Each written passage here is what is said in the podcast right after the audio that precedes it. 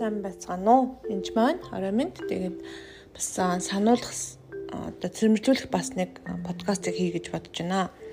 Тэгэхээр альва им мэдээж хэрэгтэй юу хэрэгтэй? Аа тэгтээ им бан им маань их хэрэглүүл хортой ч юм уу им дээр бас заавар байдаг байгаа. За жирэмсэн хөхүүл эмэгтэйчүүд хэрэглэж болохгүй одоо балчар бага насны хүүхдүүд хэрэглэж болохгүй хүүхдээс хол байлгах ч гэдэм үү гих мэдчлээ. Үүнтэй адилхан альваа сурсан арга техник тэр байтугай библийн ишлэлээ үртэл гуйлан ойлгож ярьдаг эсвэл одоо дөнгөчийн итгэгчдийн хувьд бол одоо хүн дэвшлүүдийг ойлгож тайлбарлах гэж буруу тайлбарлаж оролцсон тохиолдлууд нэлээд байдаг л да. Тэгэхээр яг ялангуяа дөнгөчийн итгэгчүүд сүү уух хэрэгтэй байгаа.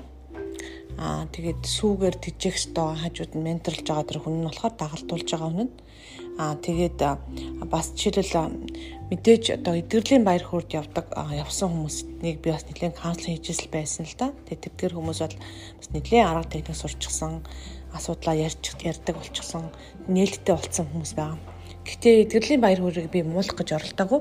Яагаад гэвэл жишээлбэл зүр энгийн нэгэн халууны юм байла гэж бодоход ч гэсэн та жирэмсэн хөнхүүл эмгтэй хүнд өгч болохгүй гэдэг шиг тухайн үед тухайн арга барилыг сурахдаа мэрэгүү ухаанаар болон илчлэлтийн сүнсээр хамт хийх хэрэгтэй байдаг хариуцтай хамт.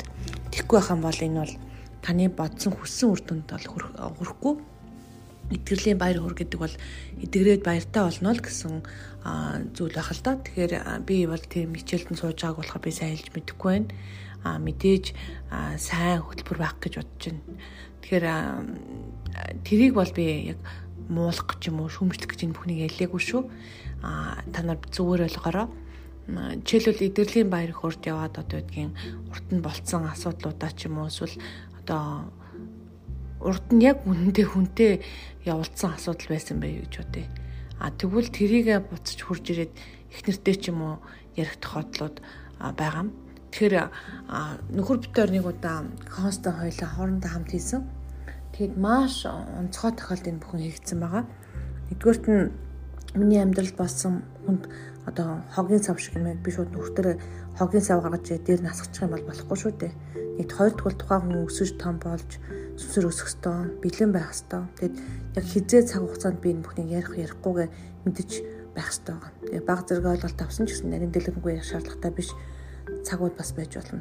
Тэгээ нэг өдөр ариун сүнс бүх надад зааж одоо амьдралаа түнд ярих болно гэж хэлсэн. Тэгээ би өдөө дийлэхгүй шүү дээ миний хань гэж хэлжсэн. Тэгсэн чинь би түүнийг хамгаалнаа гэж хэлсэн. Тэгээд үзэгдлэр миний амьдрал болсон бүх юмнуудыг хараад тэгээ яриад чөлөөлөгдөд цэвэрлэгдсэн. Яг энэ цаг мөчид юу болсон бэ гэхээр тэр ярьсан тэр харгасан бүх зүйлүүдтэй ямар ч тийм айдас байхгүй сэтгэлийн одоо юу гэдгийг хардалт цэрдэлт эсвэл одоо юу гэдгийг тухайн одоо үзий ядалт ч юм уу байхгүйгээр энэ бүхэн болсон байгаа. Тэгэхээр энэ каунслинг хийсэн терапи төр хоёлаа эдгэрсэн хоёлаа чөлөөлөгдсөн байгаа тэр ариун сүнсээр удирдуулахгүйгээр тухайн хүн бэлэн биш байхад ч юм уу өөртөө бэлэн биш байх үедээ заавал ярих ёстой гэж ярих тэрт бол маш хэцүү ялангуяа бурхан дулаагаад харин гимшээ цэвэрлэгдэх явдал маш мэдээж маш чухал. Яг бол бурхан тэрийг таныг ярьсан яриаггүй мэдж байгаа учраас харин харин одоо хань жилдээ зарим зүйлийг ярьснаас болж гэрлэл цаглах ч юм уу улам одоо сул болох тийм талууд бас байдаг.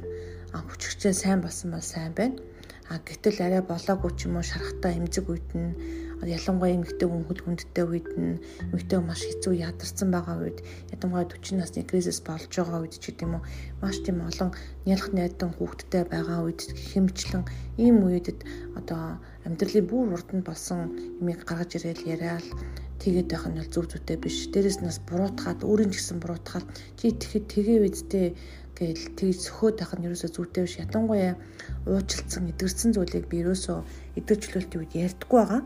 Жишээлбэл тухайн хүн үнээр эдгэрээ чөлөөлөгдөөд тэг шаардлагагүй үед бол ерөөсөө ярьдаггүй. Харин дараа дараа чи яг шаардлагатай зүйлсүүдийг бол ярьж чөлөөлөх шаардлагатай байдаг байгаа. Тэгэхээр ер нь бол тогтсон юм дүрм журмыг номыг дагаад янз бүрийн зааврын дагуу хийж байгаа бол та бүхэн маань хичнээн тийм байсан ч гэсэн мэрэгүү ухаанаар удирдуулаараа тэгээд аливаа ямар ч сайн юм байсан гэсэн заавал заавартай байдаг. Тэрнтэй адилхан зааврыг бол ерөөс ариун сүнстэй л хамт хийх шүү. Тэгэхээр ариун сүнсийг сайн сонсож сурахгүйгээр нөгөө хүн сүнсний хувьд өсөөгүй байх үед янз бүр юм ярих чөлөөлөхт нь бол маш аюултай зүйл байдаг. Тийм учраас энэ бүхэн дээр мэрэгэн ухаанаар болгоомжтой хандаараа гэж сануулж илмээр байна. Аа тэгээд зарим хүнд бас хэлж яхад бас буруу хийснээсээ болоод тэгээд сандарсан өвдсөн хавцсан хүмүүс хүртэл над руу ярьж исэн.